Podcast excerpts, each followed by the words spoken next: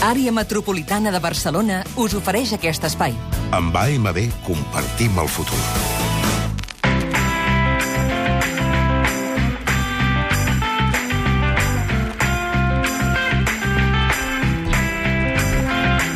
A aquesta hora, a la tribu de Catalunya Ràdio ens acompanyen el Josep Lambies, el Jordi Nopca i la Montse Barcón. Visca vosaltres!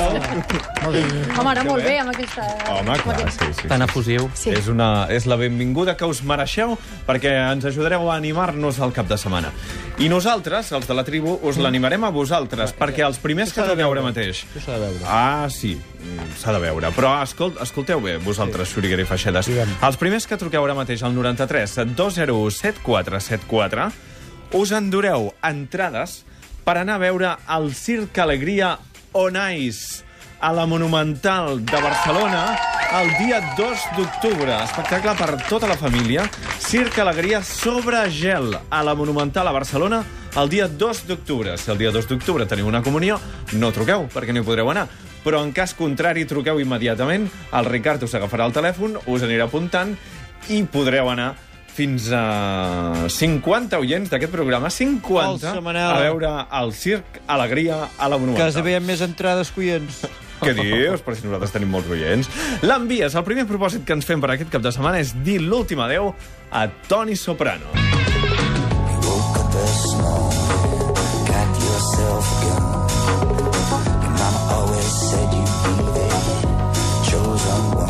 Jo no sé si a vosaltres us passa, però escolto aquesta música i tinc ganes d'encendre'm un puro immediatament. El tinc encès. El tens encès? A l'estudi de Girona. Que bé, te m'has avançat, fumera- eh? Amb una fumera que no ens hi veiem d'un metro. eh, Que s'hi pot fumar l'estudi de Girona? I tant. Oh, que- Ah, és que sempre tenen el pur encès, Ens han dit que sí, ens han dit que sí. Aquí a Girona tenim unes altres lleis. Bé, recordeu el dia en què Toni Soprano es va acomiadar de tots nosaltres? Farem memòria junts. Últim capítol de la sèrie, ell estava menjant-se una paperina d'anelles de ceba en un bar una mica sòrdid i a la barra hi havia un senyor amb una pistola a l'infern de la jaqueta. No direm res més, que sé per experiència que els spoilers et poden portar molts enemics. Però espero, eh, fans del Soprano, haver-vos animat una mica a la nostàlgia. Recordem-ho, James Gandolfini, l'home que va interpretar Tony Soprano, va morir al juny del 2013 d'un infart a Roma. Va ser molt inesperat, tenia només 51 anys i ens va fer creure a tots que l'última imatge que en conservaríem a la memòria seria aquesta. Ell menjant fregits a quatre mans. I no? No.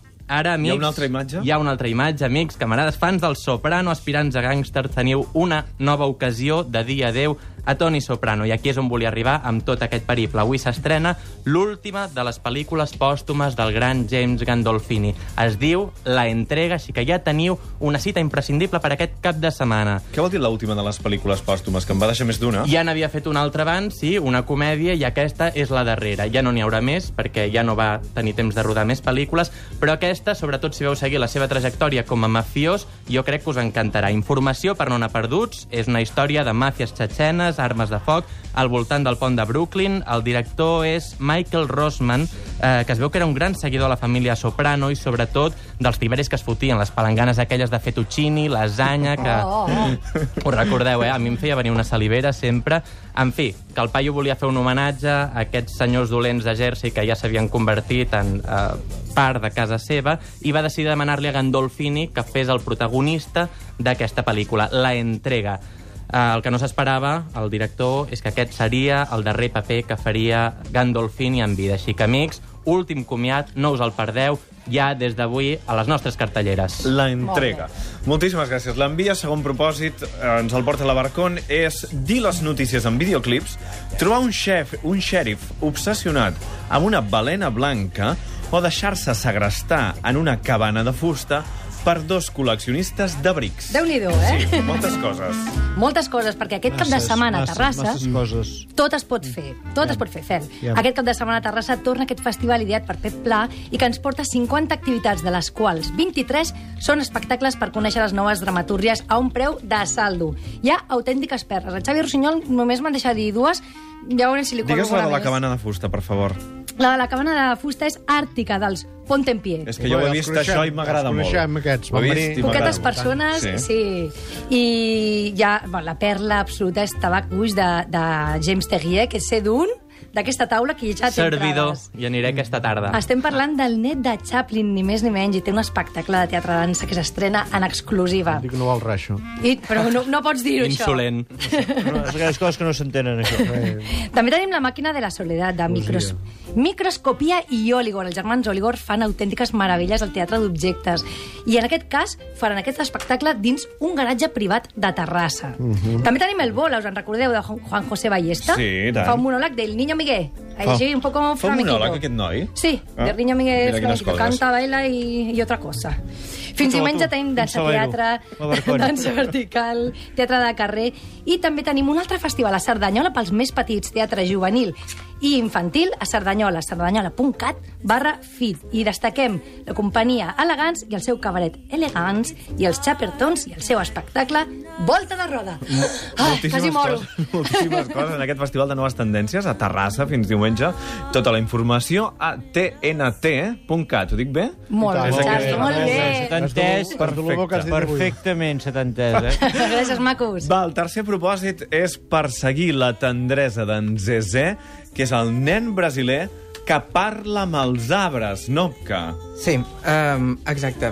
Diríem que al Brasil hi ha Sí. un arbre que tothom relaciona automàticament amb la literatura, i és l'arbre taronja llima. Mm. Uh, això és gràcies a una novel·la de José Mauro de Vasconcelos, uh, que va fer fortuna precisament per la seva tendresa, una tendresa que ha emocionat molts lectors, milions de lectors, des que l'autor la va publicar l'any 1968. Diríem que a França hi havia el maig del 68 i al Brasil hi havia aquest nen adorant un arbre, que és l'arbre de taronja llima, eh, que té nom, es diu Minguinho, eh, i, i que el nen, eh, aquest nen fantàstic, Zezé, eh, se l'estima tant que li confessa totes les seves aspiracions. Perquè és un nen que, igual que els dimoniats de Girona, que ens estan escoltant, Harmonia. és un nen que vol ser... Podria ser el meu fill, Anna. És un... Sí. Però que, que que és que és? Que, que, de què va aquest nops que és? Molt raro, És- aquest nano, eh? És molt raro. És molt raro, és molt raro, però el nen, Ho igual saps que té llibres vosaltres... publicats i tot? El que escriu? Aquest nano? Sí, senyor. Ara se el, el Aquest Xurica nano s'està llegint el teu llibre. Però això no es pot dir, eh? i de què es escriu? Escriu bestieses, poc, Oh, que no s'entén. Abans escrivia a la Penthouse, però ja no. Ah, doncs porta'm un d'aquests que, aquests que feies abans. Eh, no, el, eh, parlem, parlem del nostre estimat Zezé. En Zezé eh, vol ser poeta, igual que vosaltres. Ja. Mm. I li explica tots els seus desitjos poètics al senyor arbre, en Minguinho. Però l'arbre contesta o no? A l'arbre, sí, contesta en la imaginació del nen. Ahà. El que no li agrada tant que contesti és el seu pare, perquè el seu pare li fot llenya. No li agrada que el nen tingui imaginació. Uh, a més a més, si no el pega el pare, el peguen els germans, que es diuen Totoca, Jandira i Glòria. Acabo a chorar, ficou tudo lindo. Un rossinyol del programa, De aquesta cançó. Bé, en Zezé viu amb la seva família en un dels barris més pobres de Rio de Janeiro. Mm. És un nen espavilat, per si no us havia quedat clar, els poetes són espavilats. Eh, aprèn a llegir pel seu compte abans i tot d'entrar d'entrar a l'escola i quan vol anar a algun lloc té transport públic perquè es posa just al darrere dels cotxes i fa el que se'n diu el ratpenat. S'enganxa al, al parajocs del darrere. Eh, des de fa quatre dècades, la meva planta de taronja llima, que ara eh, publica llibres d'història en català, no s'ha deixat de vendre en les 53 llengües que ha estat publicada. Que I en català no s'havia publicat encara fins ara. No, es va publicar en castellà fa 3 anys aproximadament, va vendre 15.000 exemplars i esperem, diguéssim, que en català tingui una repercussió, si no similar, eh, força alta. Molt bé, doncs... Que bonic, quines ganes de llegir-lo, Sí, eh? i tant, això és la meva planta No feia- taronja és llima. les pilotes? Sí. La pilota, una es fa la pilota a l'altra, perquè l'altre, com digui la seva proposta, l'altre, oh, que maco, això que has Sí, dit. així no els fotin fora, saps? Saps? Sí, sí. És tan escarós, això. Sí. Ai, va, va, va, no digueu això. Això és la meva planta de taronja llima de Josep Maur de Vasconcelos, publicat per Libros de l'Asteroide, també en català. L'envies, pròxim propòsit, que és construir una fortalesa a prova de bombes. Exacte, Xavi. Això és el que va fer Josep Pugiula, un xicot d'Argelaguer a qui tothom coneixia o bé com en Tarzan o bé com en Garrell. El conec. Tu el coneixes? I tant. Jolín, tens una agenda tan completa. Fugible és una mena de Robinson Crusoe, una mena de nàufrag que del no-res va aixecar una ciutat en algun punt de vora l'autopista Girona-Olot. Una macroestructura fabulosa, feta de branquillons i canyes, un projecte d'enginyeria colossal, per poder viure lluny de la civilització, en plena natura, penjat dels arbres, saltant de liana en liana, com si fos unívoc de la Guerra de les Galàxies.